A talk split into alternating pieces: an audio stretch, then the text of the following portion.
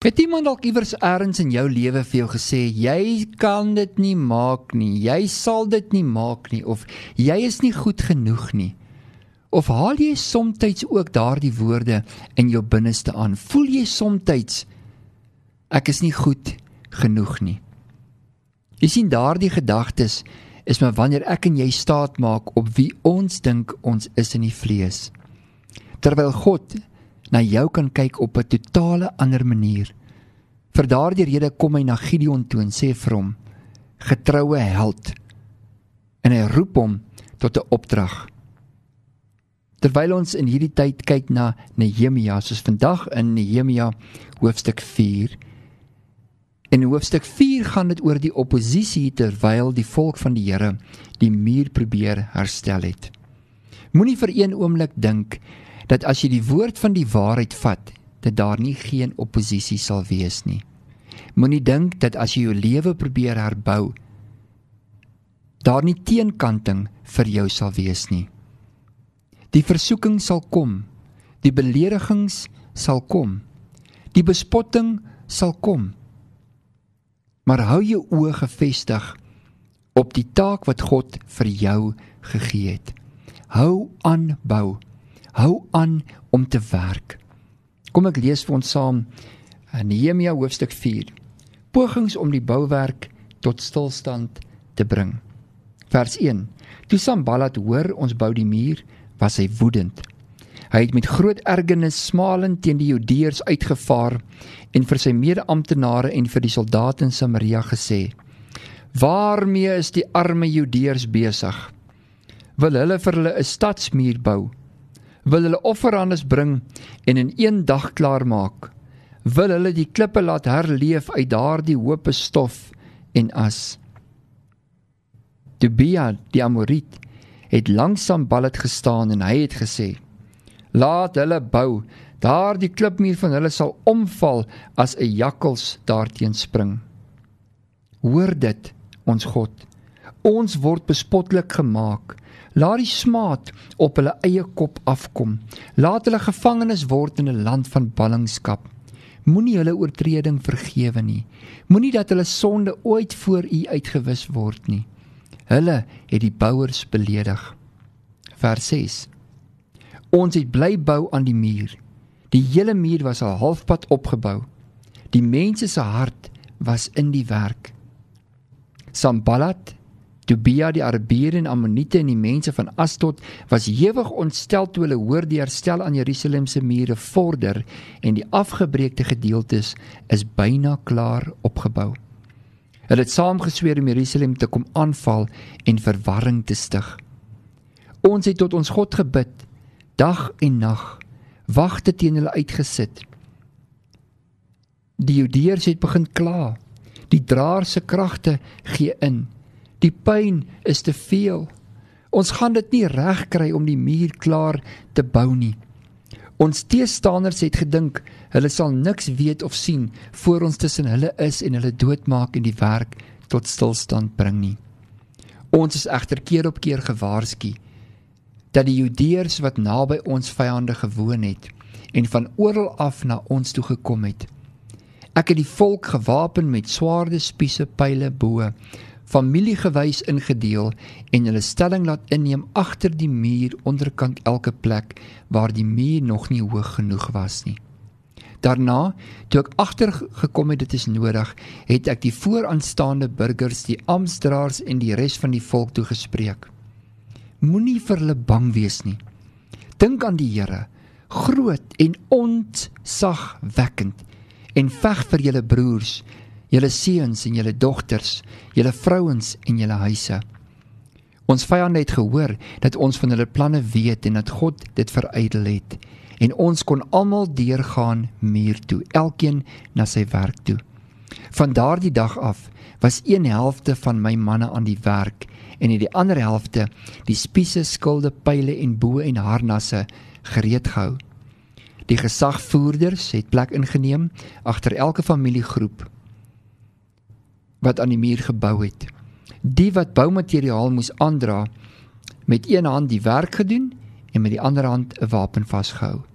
Die bouers het elkeen sy swaard om die heupe vasgegord gehad. Die ramshoringblaser het naby my gebly. Ek het vir die vooraanstaande burgers, die amptdraers en die res van die volk gesê: "Die werk is groot en uitgestrek en ons is oor die hele muur uitgesprei, elkeen ver van die naaste man af. Waar julle ook al die ramshoring hoor blaas, daar moet julle by ons saamtrek. Ons God sal vir ons die stryd voer." Ons het met die werk aangegaan. Die helfte van die manne met spiese in die hand van dagbreek af tot die sterre uitgekom het. Ek het die tyd ook vir die volk gesê: Elke man met sy handlanger moet in Jerusalem oornag, sodat hulle snags vir wagdiens en bedags vir die werk beskikbaar is. Nee ek of my mede-amptenare of my dienaars of die wagte by my het kans gekry om ons klere uit te trek nie en selfs by die water het ons ons wapens gereed gehou. Dit is 'n man wat toegewy is aan die werk waartoe God hom geroep het. Nehemia wat ook die guns en die vertrooster in sy lewe het, het ook die krag ontdek van wie God is wat deur jou lewe kan werk. Dit is my so mooi wanneer ek lees in die gedeelte waar hulle sê ons het bly bou aan die muur. Die mense se hart was in die werk gewees. Daar's 'n groot verskil wanneer iemand iets doen omdat van hulle van net van hulle verwag word en die ander kant is terwyl hulle dit van harte doen.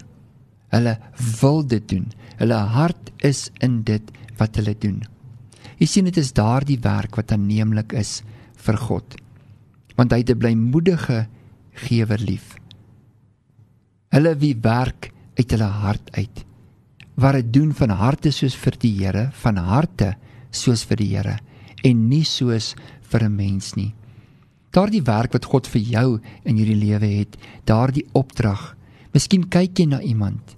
Miskien maak jy iemand groot. Miskien is jou beroep versorging. Miskien is jou beroep in produksie. Wat God jou ook al geroep het om in hierdie lewe te doen deur die verskil wat hy deur jou lewe besig is om te maak. Onthou net, daar gaan altyd pogings wees om die bouwerk tot stilstand te bring. Maar God wil hê dat jy gefokus moet wees. Ek het 'n vriend wat sy lewe onlangs uh, aan God gegee het en wat hom aangeneem het En so 'n vriend gaan ook dan deur uitdagings van die ander vriende wat hom bespot het en vir hom gesê: "Dink jy nou jy's beter? Dink jy nou jy's heilig? Is jy nou nie deel van ons nie?" Miskien is dit so. Miskien is daar 'n beter lewe wat God vir jou instoor het. Miskien roep hy jou tot 'n baie besondere saak en taak. En daardie saak en taak het ook oppositie. Hy wie nie vir my is nie, is teen my. Hy wie nie versamel nie, verstrooi. Omdat jy besig is om te versamel, sal dit nie noodwendiglik almal se intensie wees nie. Maar bly jy gefokus. Versamel, bou, rig op, bemoedig en versterk. Daar waar jy leef, daar waar jy beweeg, doen die wil van die Here. Maak nie saak wat se oppositie jy kry nie bly gefokus. Nie net vir jouself nie. Ek dink dit is ook belangrik dat ons moet weet dat dat ons dit doen. Soos die woord hier sê dink aan die Here groot en onsagwekkend en veg vir julle broers. Veg vir julle seuns en julle dogters julle vrouens en julle huise. Onthou hoekom jy doen wat jy doen. Dat jy nie fokus en krag langs die pad verloor nie. Jy sien as jy net halfpad bou kan jy nooit die volheid beleef nie. En wanneer ons net halfpad is, is daar nog 'n entjie om te gaan. Ek weet jy's moeg, ek weet jy het baie gedoen. Ek weet jy gee baie van jouself, maar kom ons maak klaar. Kom ons bou saam met God aan die werk wat hy in ons begin het, dat hy dit ook in en deur ons sal klaarmaak.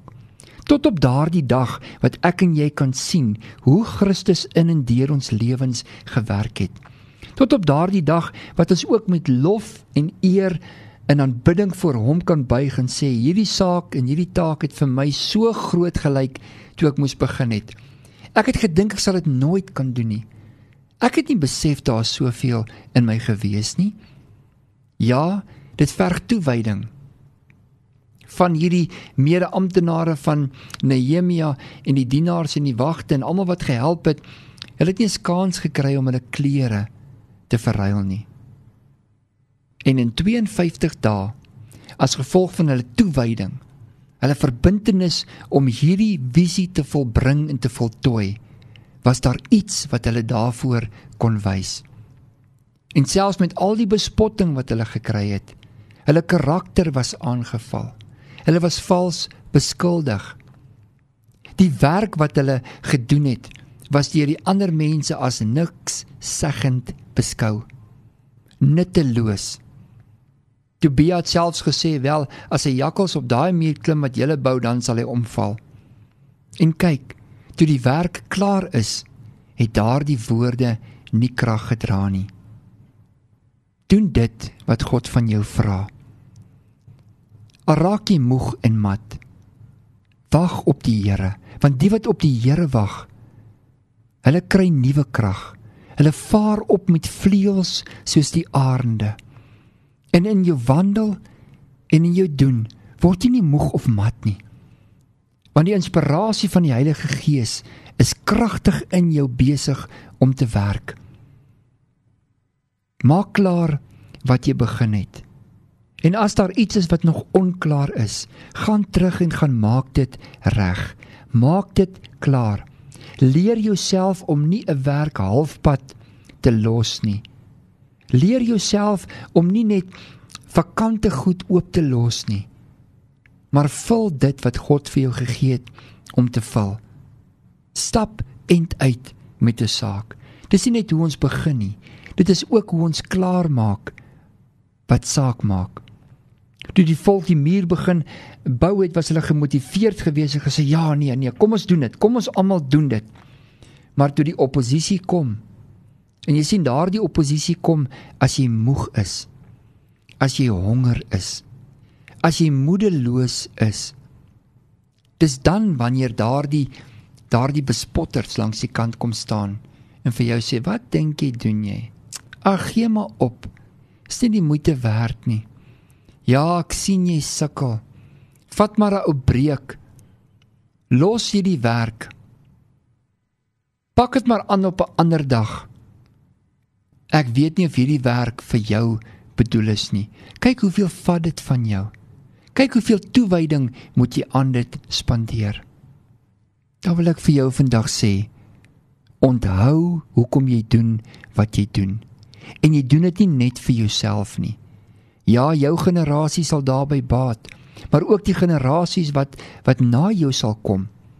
Hulle sal terugverwys na daardie daardie klomp wat die stadsmure herbou het, wat weer beginsels in plek gesit het, wat weer die waardes in plek gesit het, wat die waarheid weer betrag het, wat gesê het, dit is waarheid, kom ons bou dit in ons lewe in.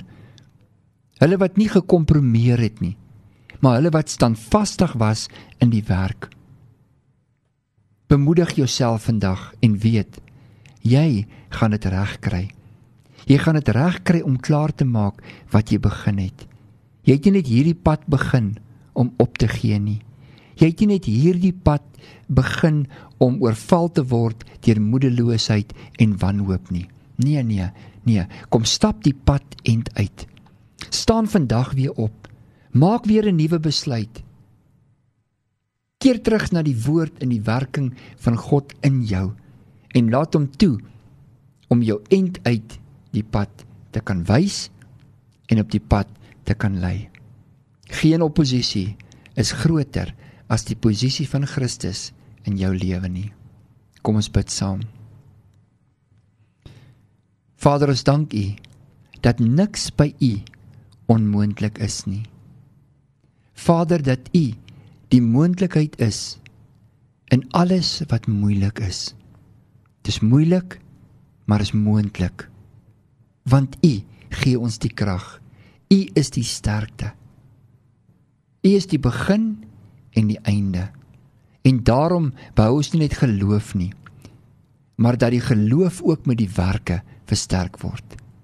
dat die werke getuig van dit wat ons glo. In Jesus naam. Amen.